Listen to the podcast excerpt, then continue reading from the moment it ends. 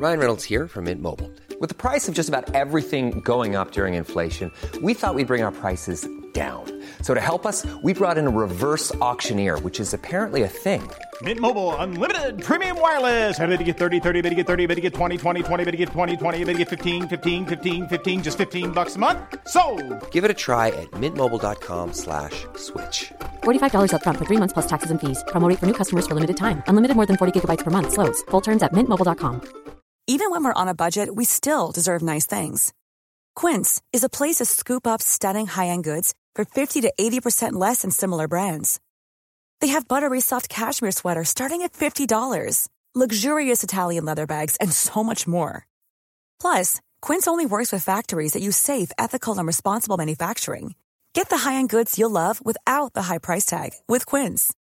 Go to quince.com slash style for free shipping and 365-day returns. Hej och välkommen tillbaka till Storytime.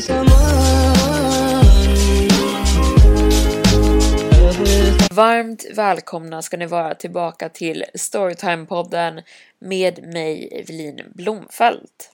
Idag har jag ett helt nytt avsnitt till er och vi ska bege oss ut på ett majsfält.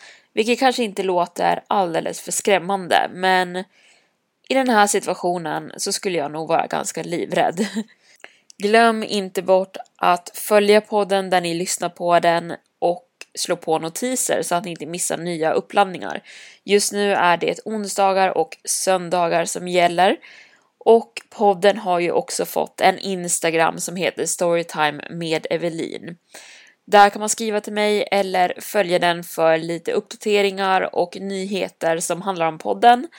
Podden har också en mail som heter storytimepodcasten at gmail.com och där kan man skriva in sina egna berättelser om man vill det eller förslag på ämnen som jag kan berätta i podden.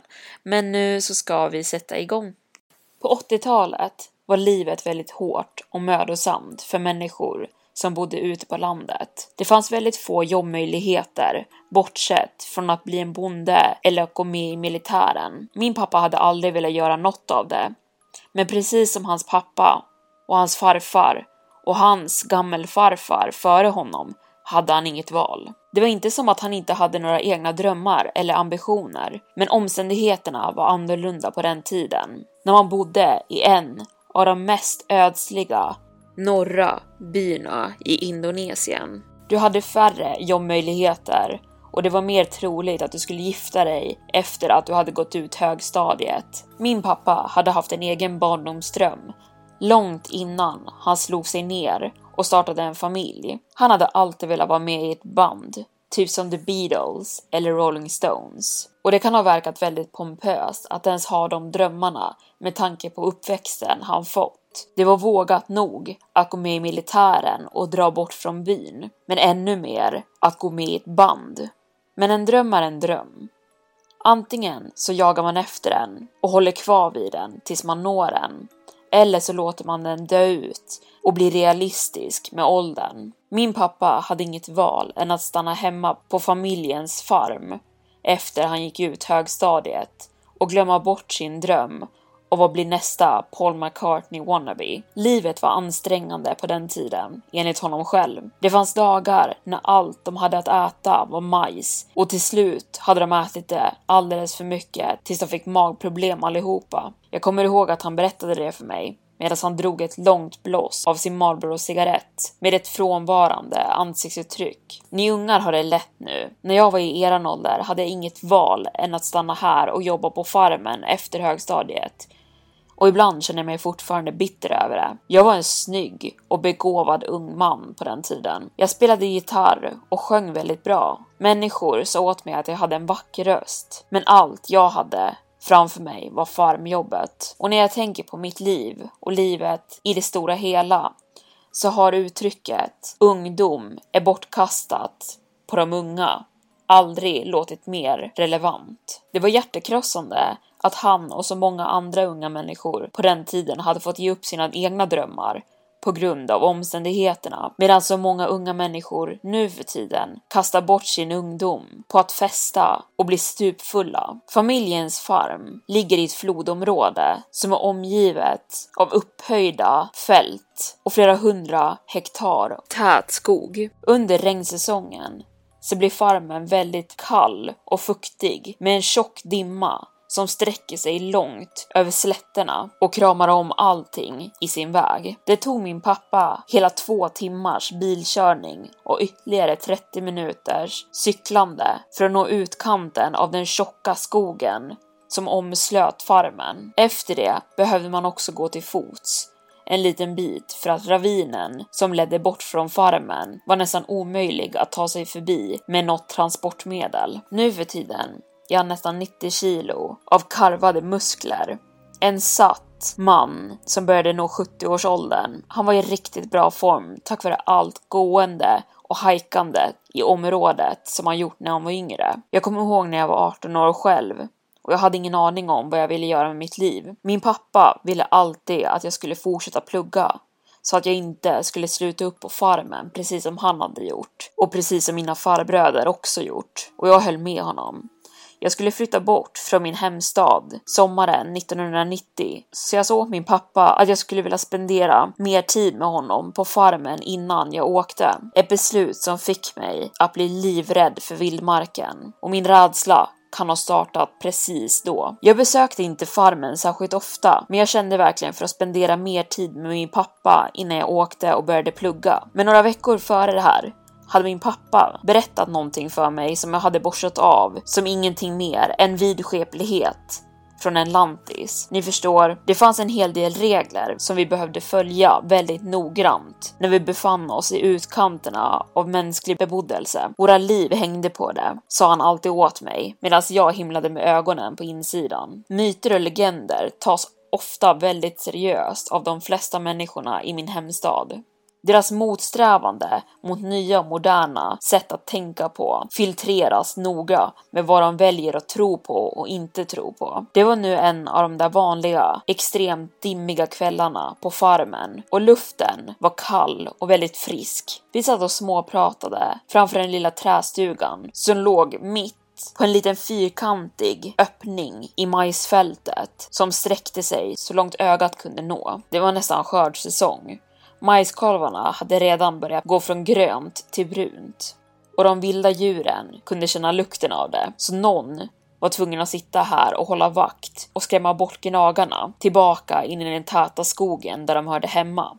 Och min pappa var precis rätt man för jobbet. Inget vildsvin eller någon apa skulle våga visa sina fula trynen när han höll vakt. Klockan var några minuter före midnatt och min pappa satt och klinkade på strängarna på sin gitarr medan han mjukt hummade på en gammal kyrklåt som alla människor i byn hade fått lära sig. Han stannade upp då och då för att kasta mer grenar in i elden som sprakade framför oss. Den var väldigt effektiv mot gnagarna. Det var en kall, dimmig natt och det hade regnat hårt på oss hela eftermiddagen. Vi hade tagit en annan stig ner till farmen som gick igenom en närliggande by som var mycket säkrare att gå på trots att den tog längre tid, istället för den vanliga stigen eftersom att vi inte ville fastna i en översvämning om det skulle bli värre. Jag låg vid elden på en gammal hängmatta och började humma med i låten min pappa försiktigt spelade på gitarren medan jag njöt av värmen från elden. Sen började jag vissla och helt plötsligt stannade han upp medan han fattade tag i min vrist och klämde den så hårt så att det gjorde ont. Sluta med det där, muttrade han så tyst han kunde medan han såg väldigt spänd och upprörd ut. Vad? Jag klev upp ur hängmattan och började se mig om, frenetiskt, förväntandes att se en arg makak som stormade mot oss eller någonting ännu mer ondsint. Jag fick en klump i magen av rädsla direkt. De här aporna har ingen rädsla för människor och brukar ofta ses vandra in i byar och stjäla mat.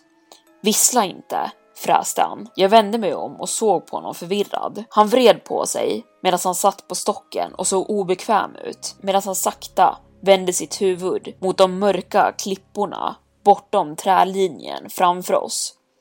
Pappa?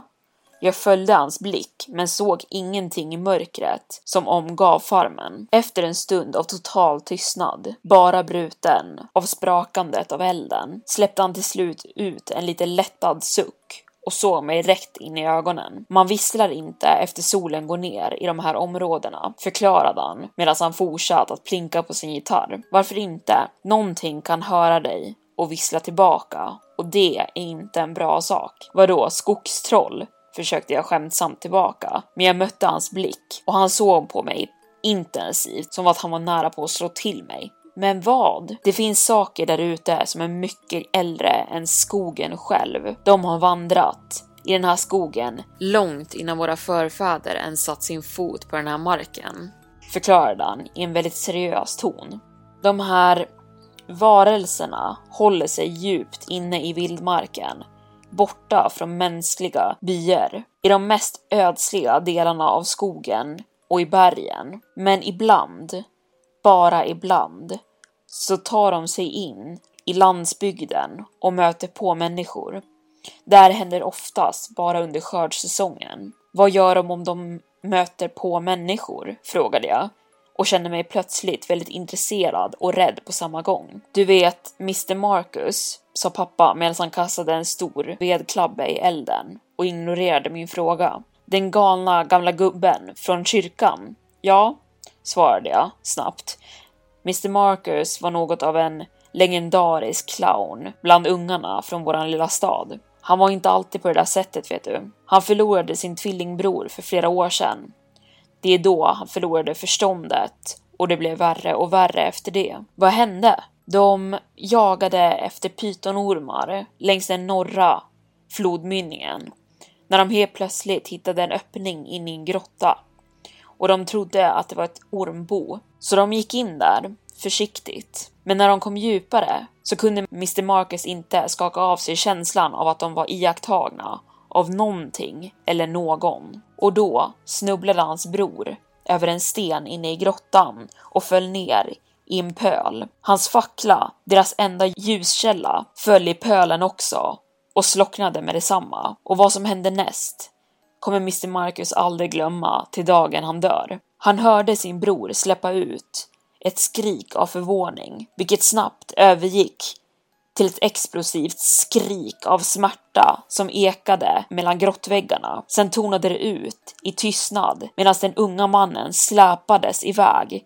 ner i de djupaste delarna av grottorna. Mr Marcus hade tur nog och lyckades ta sig ut ur grottan innan vad det än var som tog hans bror attackerade honom också. Jag svalde snabbt ett uttalande av skepsis. Jag var osäker på min pappa talade sanning, men jag blev rädd. Vad attackerade hans bror? frågade jag igen, tveksamt. Nu lite mer osäker på min egen skepsis av det paranormala. En plötslig vind av kall luft svepte över oss, vilket fick mig att dra upp min huva medan jag såg mot eldsflammorna som hotade att slockna. Min pappa svarade inte. Istället la han ner sin gitarr och lutade den mot trästubben. Vem vet? Det kan ju ha varit en riktigt stor pytonorm eller någonting värre, förklarade han nonchalant. Pytonormar är vackra djur dock, stämde jag in. Sen slog det mig i ansiktet precis när jag skulle börja prata om min beundran för reptilen. De kan bli tillräckligt stora för att svälja en fullvuxen man fortsatte han. Det är inte helt ovanligt. Min farfar svär att han såg en pytonorm som var så stor så att han trodde att det var ett fallet trä och lutade sig nästan mot den. Den hade växt sig alldeles för stor för sitt eget bästa och den kunde inte röra sig fort längre den bara låg där i skogen, täckt av mossa, väntandes på att dens byte skulle komma nära nog för att den skulle kunna hugga. Så det var en pytonorm som attackerade Mr Markers bror? Frågade jag i en låg röst. Han ryckte på axlarna. Som jag sa, det var alldeles för mörkt i grottan. De kunde inte ens se sina egna händer framför sig, men jag skulle gissa på att han vet mer än han berättar. Och det måste ha varit riktigt traumatiserande för honom att se sin bror bli attackerad på det där sättet. Min poäng är, det finns saker där ute, min son, som kan utgöra ett stort hot för oss. Saker vi inte fullt förstår. Saker som kan jaga människor. Så det är bättre om vi har respekt för naturen runt oss. Men jag fattar inte, sa jag medan jag kliade mig själv på huvudet i förvirring. Finns det saker värre och farligare än pytonormar i skogen? Du varnade mig just för att inte vissla. Jag tror inte direkt att en pytonorm skulle kunna missta det för ett parningsläte. Han såg ner mot sina fötter och suckade. Sen reste han sig. Kom, sa han medan han drog ut en liten ficklampa ur sin ficka. Jag vill visa dig någonting. Jag följde efter honom på en liten stig som ledde mot öst, genom majsfältet.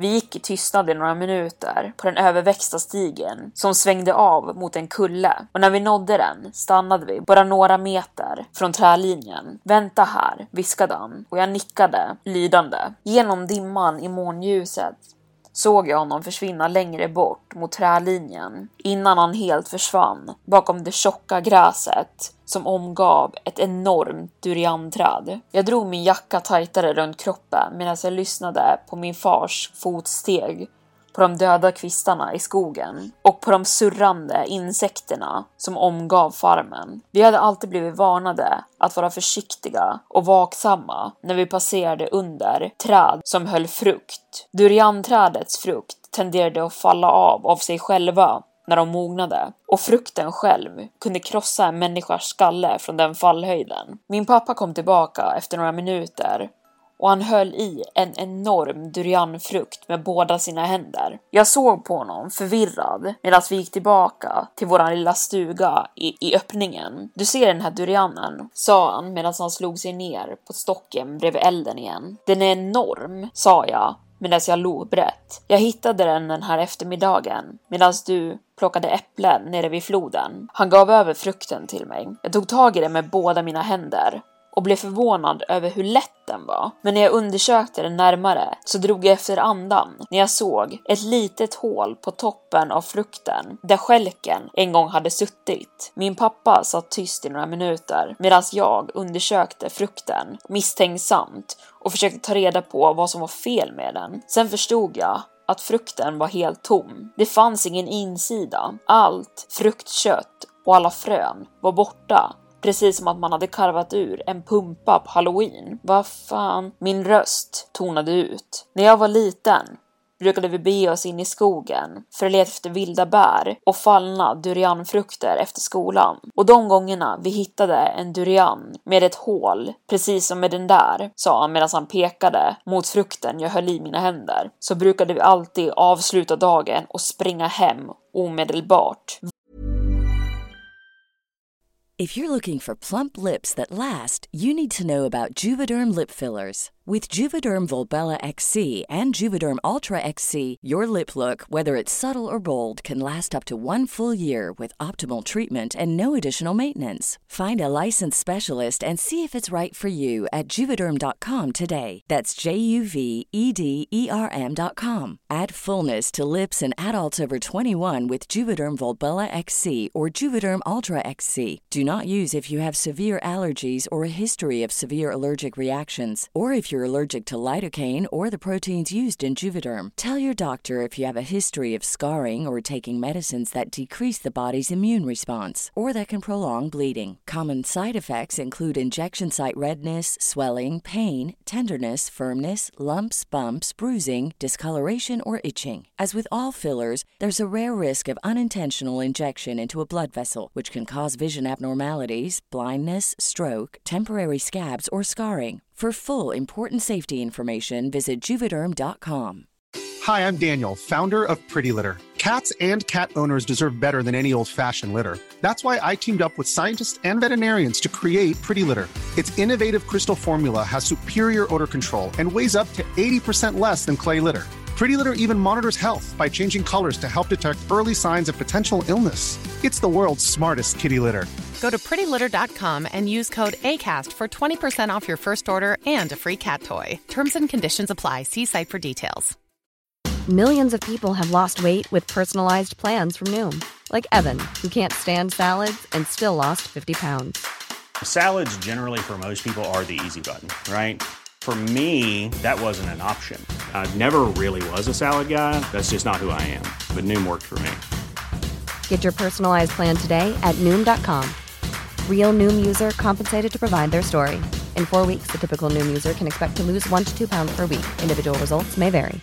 Many of us have those stubborn pounds that seem impossible to lose, no matter how good we eat or how hard we work out. My solution is PlushCare. PlushCare is a leading telehealth provider with doctors who are there for you day and night to partner with you in your weight loss journey. They can prescribe FDA-approved weight loss medications like Wagovi and Zepbound for those who qualify. Plus, they accept most insurance plans. To get started, visit plushcare.com slash weight loss. That's plushcare.com slash weight loss. Vad kunde möjligtvis ätit en durianfrukt på det där sättet? Absolut inte en människa. Så om du någonsin hittar en liknande frukt i skogen så är det bäst att lägga benen på ryggen och springa hem fort. Jag visste inte om jag skulle känna mig äcklad eller rädd. Jag tappade durianfrukten ur mina händer. Den landade på marken och skalet gick i bitar på en gång med en krasch. Och mycket riktigt var insidan helt ren och tom. Allt fruktkött och alla frön var som bortblåsta. Jag såg runt i skräck frenetiskt som att jag väntade på att någonting skulle komma ut i skogen och attackera oss bara av lätet av kraschen mot marken. Är vi säkra här ute, sa jag medan jag hoppade närmare min pappa och kände helt plötsligt att vi var exponerade till fara runt omkring oss. Vi är säkra så länge elden brinner och om det regnar, chilin och citrongräset håller dem borta. Har du någonsin funderat på varför vi planterar så många av den växten runt om här? De gillar inte lukten. Det är i alla fall vad min pappa berättade för mig. Vad är de för någonting pappa? Min läpp skakade medan jag talade, som ett barn som just väckts från en hemsk mardröm. Desperat att förstå ondskan som väntade ute i mörkret utom oss, som att den väntade på att vi inte skulle vara beredda och då attackera oss där vi satt. Saken som åt den där durianfrukten. Jag höll om mina knän och lyssnade bara och andades ut och in. Han ryckte på axlarna. I södern så kallar de dem för Thai Lapung, har en vän berättat för mig. De som rör sig i de, de djupaste, mörkaste delarna av skogen. De har varit här mycket längre än oss människor. Ingen vet riktigt var de är eller hur exakt de ser ut. Men människor är extremt rädda för dem. Alla som bor i de här byarna runt om bergskedjorna. Det finns berättelser av att de här varelserna har begett sig in i byar sent på nätterna när alla sov och kidnappat små barn, tagit in dem i skogen och de har aldrig setts igen. Jag rös av tanken på dessa ansiktslösa varelser som kom ut från skogen och tog människor med sig. Snälla sluta, sa jag medan jag gnuggade mig för ögonen och försökte bli av med de hemska tankeföreställningarna jag fick in i mitt huvud. Jag vill inte lyssna på det här mer. Nu kommer jag ha mardrömmar tills jag är 50. Var inte rädd min son, sa min pappa medan han klappade mig på axeln, tröstande och såg nästan road ut. Du är säker här med mig. Ingenting kan skada dig. Han sträckte sig ut bakom stubben han satt på och drog fram en machete. Han höll den framför sig och såg ut att beundra hur vass den var medan den blänkte av ljuset från elden. Ja, för den där kommer säkert hjälpa, muttrade jag och himlade med ögonen. Och han skrattade. Vad är klockan nu? frågade jag. Han sneglade på sin klocka medan han kisade med båda ögonen. Sju minuter över ett. Jag antar att jag kommer gå och sova då. Jag reste mig på fötter, gäspade och stretchade ut min kropp. Godnatt. Godnatt min son. Jag började gå mot våran stuga, en liten förfallen trästuga som låg ihopsjunken under ett massivt träd. Jag la mig på den gamla madrassen som var alldeles för liten för att ens kunna sträcka ut hela min kropp på. Jag stängde mina ögon och lyssnade på min far som fortfarande satt ute vid elden och trummade på sin gitarr. Jag var precis på väg att somna när jag hörde det. Ett rytande borta i distansen ekade genom flodområdet. Den kom från djupt inne i skogen, österut, någonstans nära trälinjen vid kullen där jag och pappa gått och hämtat durianfrukten. Jag reste mig direkt på fötter och vinglade bort mot dörren. Rädslan tog övertaget över den utmattning jag känt. Jag såg min pappa stå borta vid elden, stirrandes rakt upp i skogen, precis där ljudet hade kommit ifrån. Han hävde upp sin gitarr på sin axel på ett defensivt sätt medan han lyssnade intensivt. Var det en makak? Men det lät inte som det. Det lät hesare och mer gutturalt. Pappa? Sa jag i en låg viskning. Han svarade inte. Han lutade sig ner och la försiktigt ner sin gitarr på marken medan båda ögonen fortfarande var riktade mot kullen. Sen drog han snabbt tag i sin machete. Sen hoppade jag nästan ut ur mitt eget skinn när jag hörde någonting som lät som grenar och torkade löv som gick sönder under vikten av någonting vad det än var som sakta rörde sig i trälinjen i mörkret. Det finns ett gammalt ordspråk som bönder brukar säga. På en riktigt tyst natt kan du höra majsen växa. När det är så tyst mitt i natten. Och först hade jag alltid trott att det bara var det, ett ordspråk.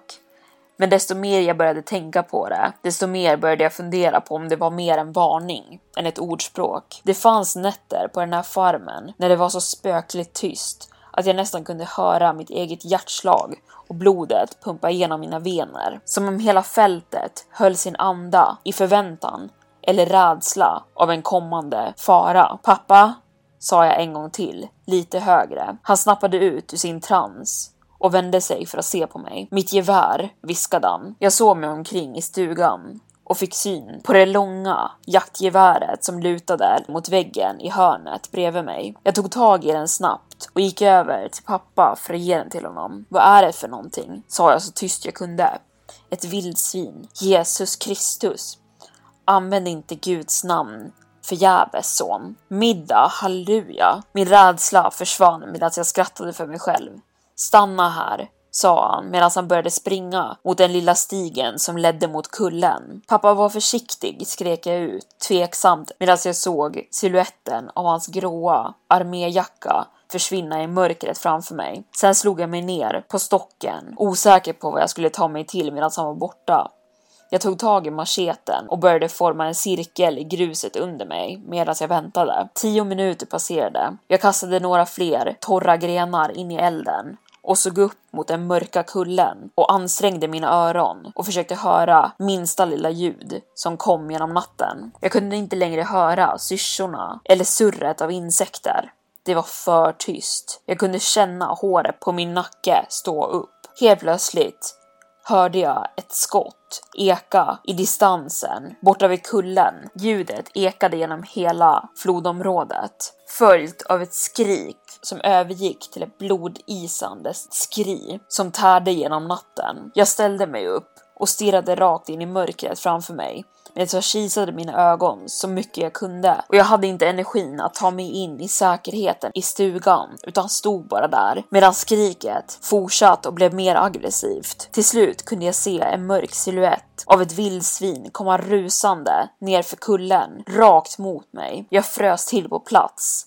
och skakade av rädsla medan den kom närmre och närmre. Dens långa mörka man blåste i vinden medan den sprang, men sen hände någonting skräckinjagande. Medan besten skenade mot öppningen av gläntan av majsfältet, bara en liten bit bortom ljuset från våran eld, sträckte sig en lång och spöklik hand plötsligt rakt ut från de långa majsskälkarna. Den sträckte sig rakt ut i luften mot det närmande vildsvinet och varje långa fingerliknande ben slutade med ett böjd klo. Den högg snabbt tag i sitt byte medan klorna på ett hemskt sätt bara rev rakt in i både skinn och muskel på vildsvinet och den drog det stackars djuret hårt över marken in i mörkret av majsfältet och vildsvinets hemska skri avslutades abrupt. Jag skyfflade mig snabbt bakåt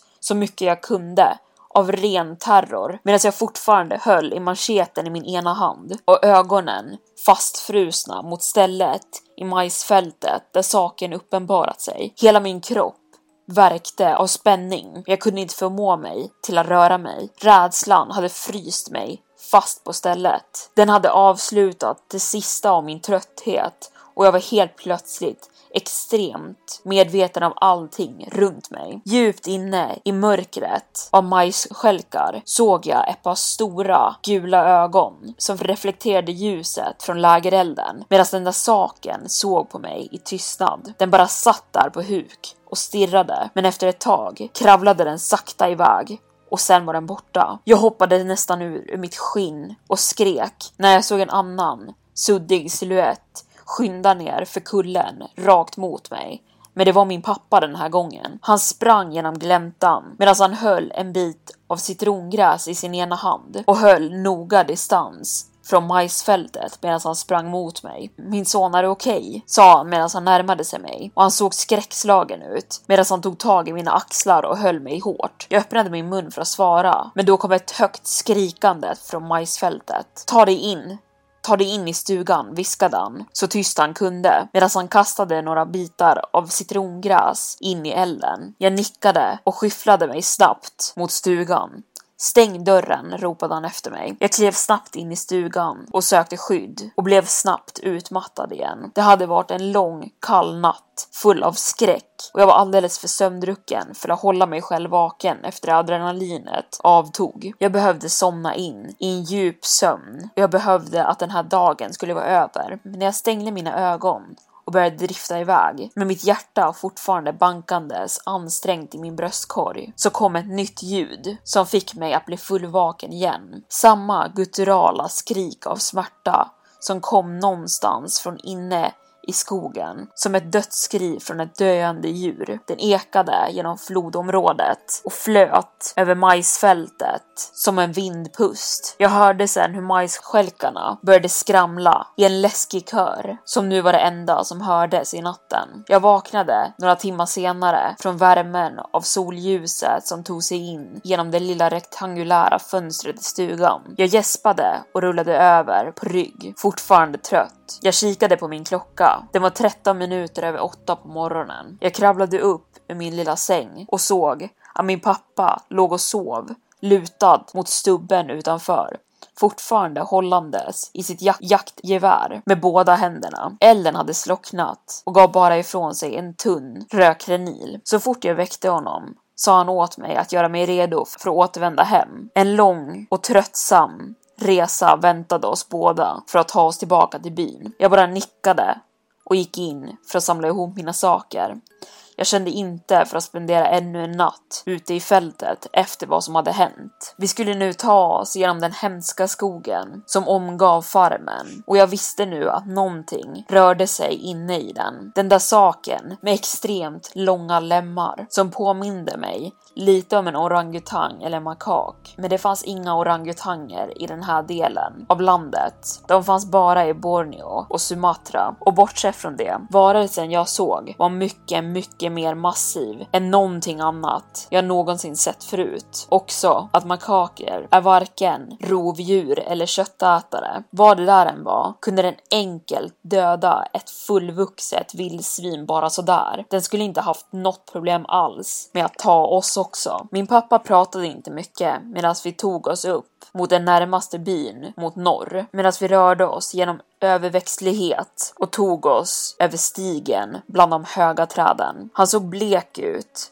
och fortsatt att se sig nervöst över axeln då och då med jaktgeväret fortfarande i handen, som att han var rädd att vi var förföljda. Han vägrade att svara på mina frågor om vad det var vi hade fått se natten före. Han gav mig till och med en blick som talade om för mig att han inte ville prata om vad som hade hänt. Men vid tiden vi tog oss ut ur skogen stod solen högt på himlen, så fortsatte jag att pressa honom tills han till slut fick nog och vi började bråka över att han inte ville att jag skulle bli mer rädd rädd och uppskrämd än jag redan var och jag ville ändå veta sanningen för att jag var så nyfiken. Låt gå, röt han tillbaka. Låt gå vad? röt jag. Men säg inte åt mig att jag inte varnade dig, sa han med en suck medan vi fortsatte att gå mot byn. Jag svalde en snäsig kommentar jag hade tänkt ge ifrån mig och sen gick vi i tystnad i några minuter som att han försökte samla sina tankar. Han spände sin käke som att han var osäker på hur han skulle lägga upp det. Sen började han. Jag hittade vildsvinet i morse medan du fortfarande sov, mumlade han. På utkanten av floden var en död, ja. Helt plötsligt fann jag mig själv, delad mellan rädsla och ännu mer nyfikenhet. Hur? Min röst tonade ut. Jag hade en känsla av att jag redan visste svaret. Det finns en väldigt god anledning till varför människor är så rädda för de här varelserna.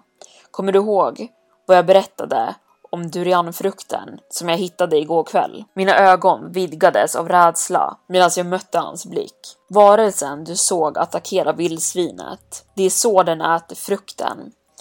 Den gräver ett hål genom den och sen skopar den upp fruktköttet med sina långa fingrar och klor och suger den torr tills det inte finns någonting kvar, förklarade han. Min mun föll vidöppen i förskräckelse. Och ja, den stackars lilla grisen kunde inte direkt ligga och sola där på stranden, eller hur? Han släppte ut ett torrt skratt. Nej, varelsen hade tömt det stackars vildsvinets huvud precis som den gjort med frukten. Den var helt tom när jag hittade den. Urskopad, hjärnan och allting borta. Fan, det, det är ju skräckinjagande, stammade jag fram och hade nu svårt att andas. Du, börja inte svär runt mig, min son. Det är inte så jag uppfostrat dig, sa han medan vi fortsatt gå. Förlåt pappa, sa jag medan jag släppte ut ett nervöst skratt. Åh, du jag är inte klar än, sa han medan han slog iväg en surrande insekt som surrade runt hans huvud. Du bad om det här. Va? Är det mer? Åh ja, det är mer. Mina ögon blev ännu bredare. Det fanns bara en handfull av människor, inkluderat min far, som visste om det här och han berättade det för mig innan han dog. Jag önskar att han inte hade gjort det. En så ovanlig man med konstigt mörkt sinne för humor. Det var din farfar det. Han tyckte väl att det skulle vara roligt att skrämma upp mig. Det var det inte. Vad berättade han för dig? Frågade jag osäkert. Han vände sitt huvud och såg på mig igen. Sen lutade han sig närmre medan han gick och viskade. Byborna hittade hans kropp i grottan. Hans ansikte var nu några centimeter borta från mitt.